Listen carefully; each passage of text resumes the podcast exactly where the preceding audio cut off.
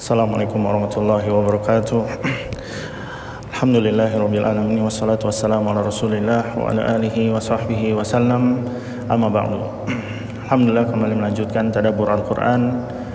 Insyaallah uh, ayat 219 dari surat Al-Baqarah insyaallah sampai ayat 220. Allah berfirman, "Yas'alunaka 'anil khamri wal maisir." Mereka para sahabat bertanya kepadamu yaitu Rasulullah SAW anil khomri wal maisir tentang khomer dan maisir dan judi ya. Kul Allah langsung menjawabnya memfatwakan ini dalam Al-Quran. Jadi sebagian fatwa ada yang Allah langsung jawab dalam Al-Quran ada yang Allah cukupkan dengan sunnah Rasulullah SAW jadi eh, penjelasan Rasulullah SAW tanpa dinukil dalam Al-Quran ya Ya, ada dua. Ya, salah satu dari Al-Qur'an, langsung Allah nukilkan di Al-Qur'an, yang yang satunya lagi hanya tidak Allah tetapkan dalam Al-Qur'an tapi cukup Allah wahyukan kepada Rasulullah sallallahu alaihi wasallam. Dan di sini adalah termasuk fatwa yang Allah kutipkan untuk uh, umat Rasulullah SAW dalam Al-Quran tentang khamar dan judi. Ya, dan ini adalah salah satu dari tiga ayat tentang turunnya Homer. Ya, sebagaimana kita ketahui, Homer tidak langsung Allah haramkan. Dan ini ayat pertama. Ya, ini ayat pertama yas'alunaka 'anil khamri wal maisir qul ma ismun kabir wa manafi'u linnas ya. Wa ismuhuma akbar min naf'ihima ya. Katakanlah di dalam keduanya khamr dan judi ismun kabirun dosa sangat besar ya. Wa manafi'u linnas meskipun ada manfaat di dalam keduanya ya wa ismuhuma akbaru min naf'ihima. Tapi uh, dosa dari keduanya lebih besar daripada kemanfaatannya ya. Ketika ayat ini turun Umar dipanggil dan dibacakan ayat ini. Maka Umar berdoa Allahumma bayyin lana fil khamri bayanan syafian. Ya Allah uh, tunjuki bagi tunjukilah kami berilah kami penjelasan yang lebih jelas lagi tentang khamr maka Allah turunkan lagi uh, An-Nisa ya. Ya ayyuhalladzina amanu la taqrabus salata wa antum sukara. Ya wahai orang-orang beriman jangan kalian dekati salat sedangkan kalian dalam keadaan mabuk ya. Dan ini setelah azan la ilaha illallah. Kemudian uh, ada tambahan ala yaqrabanna salata ya sukron ya, ya janganlah kalian uh, mendatangi salat dalam keadaan mabuk ya. Ini yang kedua Kemudian Umar masih berdoa, Allahumma bayyin lana fil khomri bayanan syafian. Ya Allah, uh, turunkanlah ayat yang lebih jelas lagi, lebih nyata-nyata lagi mengharamkan khamar maka turunlah surat Al-Maidah innama yuridu syaitanu ayyuqa bainakumul adawata wal bagdo ya fil khamri wal maisir wa yasaddukum an, an zikrillah wa anis salah fahal antum muntahun ya sesungguhnya setan menginginkan untuk menimbulkan permusuhan dan kebencian di antara kalian pada khomer dan judi ya. Dan menjauhkan kalian dari zikir dan solat ya. Tidakkah kalian berhenti ya? Setelah ayat fahal antum muntahun maka langsung Umar berkata intahaina intahaina. Wah ya, ya Allah kami mulai berhenti saat ini juga ya. Jadi uh, di situ uh, ayat terakhir tentang khamar dengan diharamkannya hamar tersebut. Manfaat memang ada manfaat ya, tapi tidak dosanya lebih besar ya. Dosanya lebih besar. Makanya di akhir ayat ya kemudian uh, Allah berfirman wa yas'alunaka madza yunfiqun ya dan mereka para sahabat bertanya apa yang harus kami infakkan apa yang mereka harus infakkan kul ya katakan ya katakan pada mereka al-afu ya al-afwa ya. Uh, yang yang mereka infakkan adalah yang berlebih al-fadla. Maksudnya al-afwa adalah yang setelah mereka berinfak pada diri mereka sendiri sudah bisa makan maka mereka baru boleh berinfak ya pada keluarga dulu istri anak orang tua ya. Sudah sudah cukup itu baru boleh lagi keluarga dekat ya. Akrobin ya yang seayah yang sekakek yang seayahnya kakek ya. Kalau sudah cukup, semuanya sudah tidak ada yang fakir lagi, baru boleh yang di luar keluarga ya. Ini makanya kata Rasulullah SAW ya abda binafsik ya. Mulai dari diri kamu dulu sendiri. Sedekah itu dari diri sendiri. Jangan sampai meminta-minta ya. Kalau boleh bisa bersedekah untuk diri sendiri cari pekerjaan bisa makan dengan hasil kerja itu namanya bersedekah untuk diri sendiri. Sudah cukup punya keluarga punya istri punya anak punya ayah dan ibu eh punya ibu dilebihkan lagi dikasih kalau masih ada sisa dikasih ke kedua orang tua setelah itu keluarga terdekat setelah itu baru tetangga baru yang lain-lain. Kata Rasulullah sallallahu alaihi wasallam, "Kadzalika yubayyinullahu lakumul ayat." Demikianlah Allah menerangkan kepada kalian ayat-ayatnya, la'allakum tatafakkaruna fid dunya wal akhirah. Jadi ini memang uh, stop di ayat itu ya, tapi berlanjut lagi langsung di ayat 220. Makanya kalau didengar murattal ya, tidak berhenti la'allakum tatafakkarun tidak baca langsung di ayat 220 la'allakum tatafakkaruna fid dunya wal akhirah jadi 219 itu lanjut ya jangan stop di situ jangan berhenti baca Quran di 219 tapi harus baca juga ayat 220 karena masih satu bagian ya ini masih satu bagian ya demikianlah Allah menjelaskan kepada kalian agar kalian memikirkan ya bertafakur pada dunia dan akhirat. Artinya harus tahu bukan cuma dunia saja ya. Memang Homer tadi, ini masih ada hubungannya tadi. Homer punya manfaat dunia, tapi di akhirat ada dosa yang be besar. Muslim ya mukmin tidak boleh cuma pikirkan oh ini ada manfaat dunia ini tidak, tapi lihat syariat Allah ya, lihat hukum-hukum Islam. Kalau Islam bilang haram, meskipun ada manfaat mungkin di secara uh, uh, duniawi, tapi uh, syariat Allah harus diagungkan, ya. Harus diutamakan. Tidak boleh dibantah dengan penemuan-penemuan ya. Meskipun ada yang bilang oh ini tapi ini bagus. Kalau sedikit kalau ini selama tidak mabuk. Ya Allah mengharamkan apa yang sedikit yang banyaknya memabukkan kata Rasulullah SAW yang banyak juga diharamkan. Jadi tidak boleh. Dua, harus pikirkan akhirat juga. Tidak boleh cuman dunianya saja. Maka dahulukanlah akhirat dari dunia. Kemudian uh, uh, Allah berfirman wa yas'alunaka anil yatama. Jadi ada tiga permasalahan ya.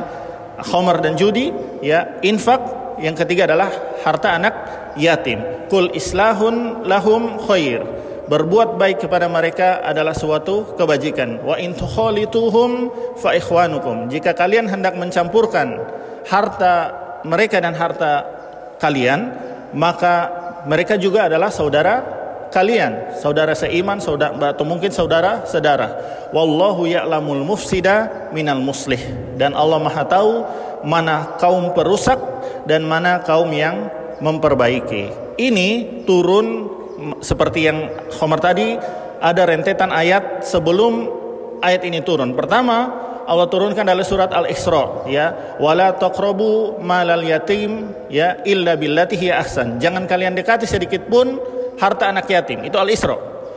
Kemudian ditambah lagi larangannya. Innalladzina ya'kuluna amwalan yatama zulman innama ya'kuluna fi butunihim naron wa yaslawna sa'ira sesungguhnya orang-orang yang memakan harta anak yatim secara zalim maka yang dia masukkan ke dalam perutnya hanyalah neraka dan pasti dia akan diazab di dalam api yang menyala-nyala ya.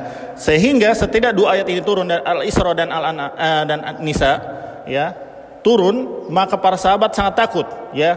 Harta anak yatim kalau kalau bahasa sekarang ada DP rekening ya. Misal misalkan dia memelihara anak yatim dia bikin rekening khusus dia rekening sendiri tidak boleh sama sekali bercampur ya ini dikabarkan kepada Rasulullah SAW, bahkan sampai makanan.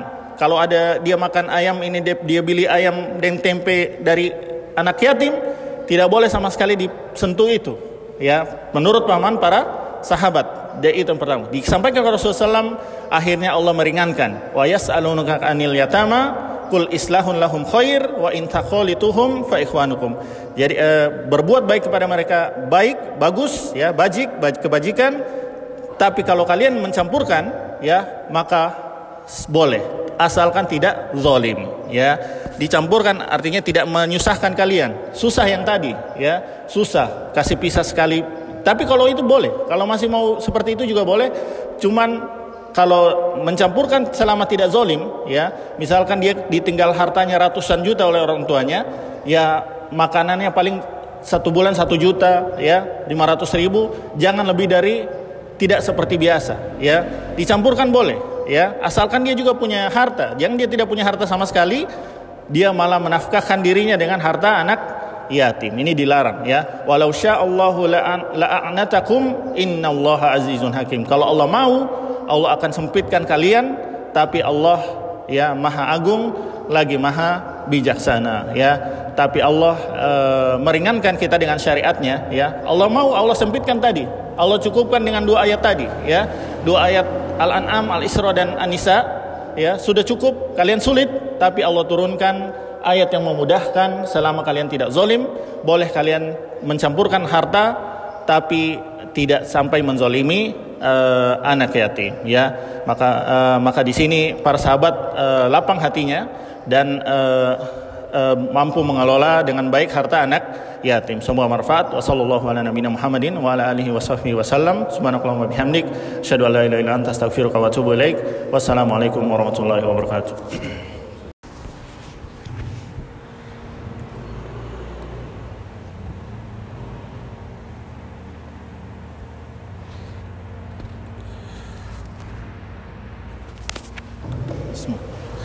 Assalamualaikum warahmatullahi wabarakatuh.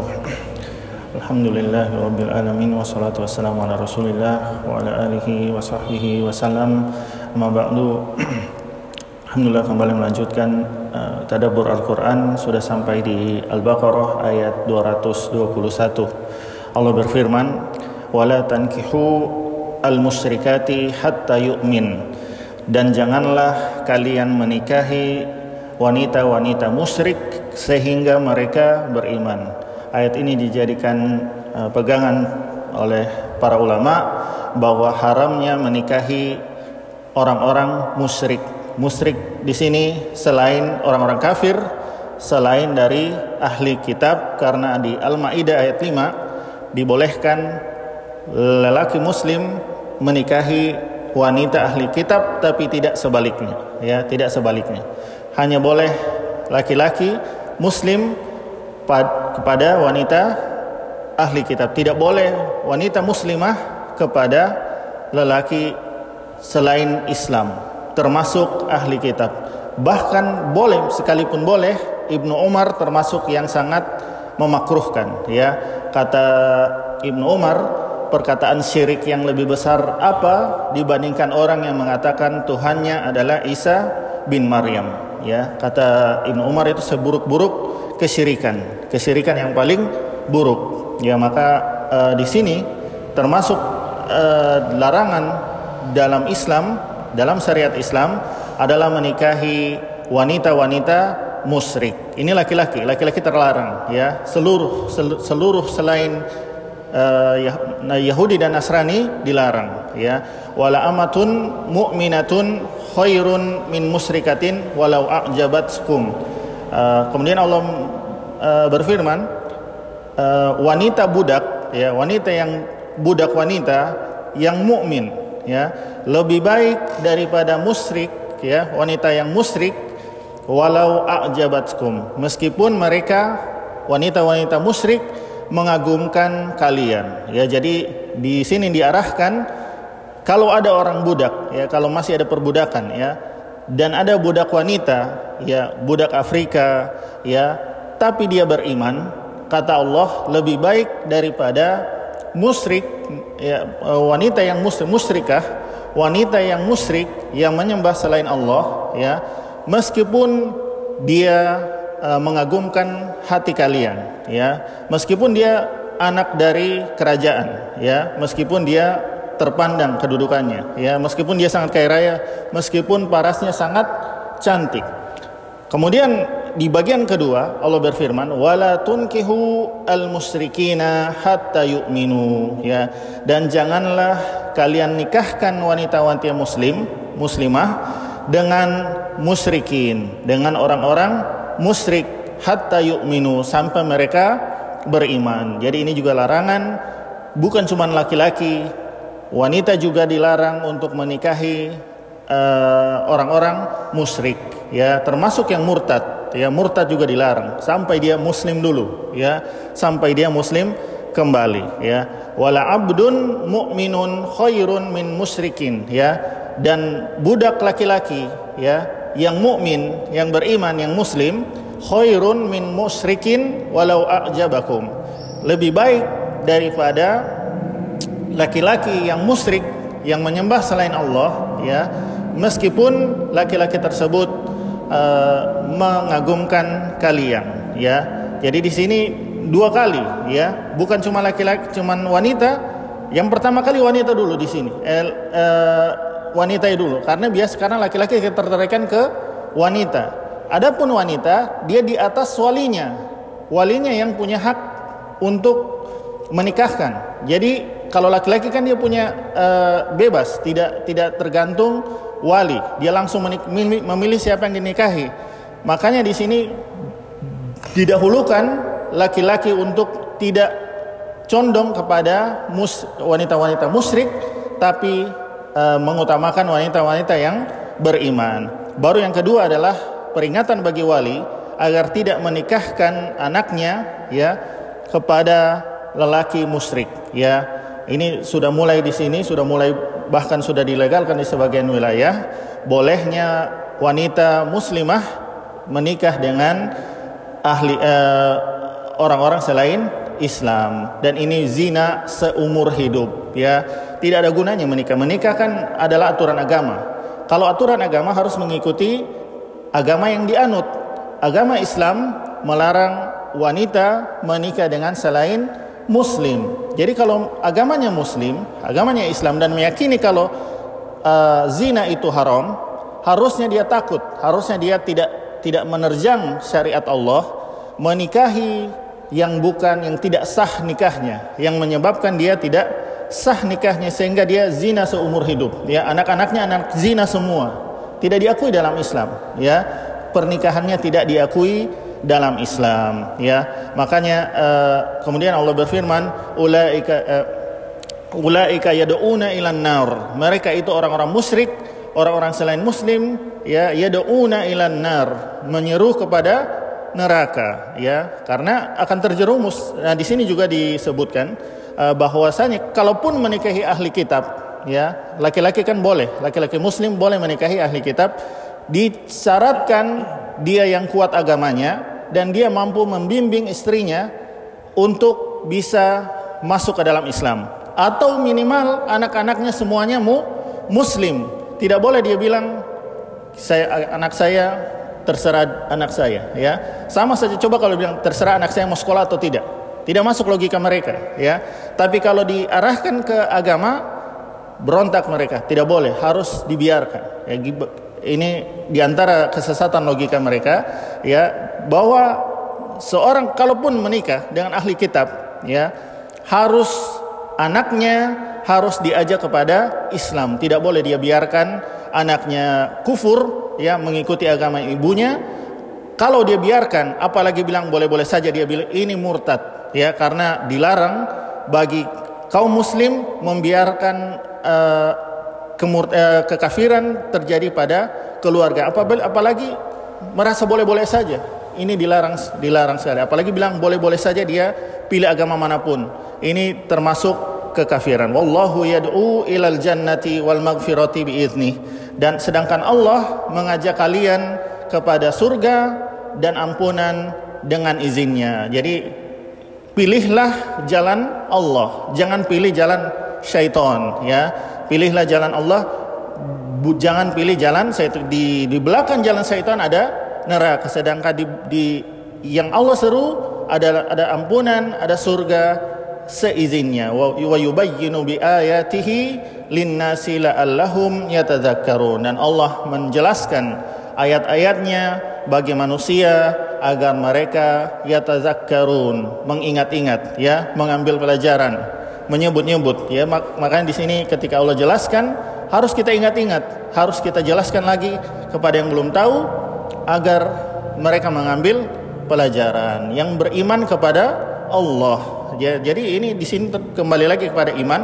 Jika beriman kepada Allah harusnya tunduk kepada syariat Allah, bukan kepada hawa nafsu ya. Membolehkan semuanya ya. Di sini ada aturan dalam Islam menikahi wanita dilarang menikah kepada selain muslim. Ya, demikian semoga bermanfaat.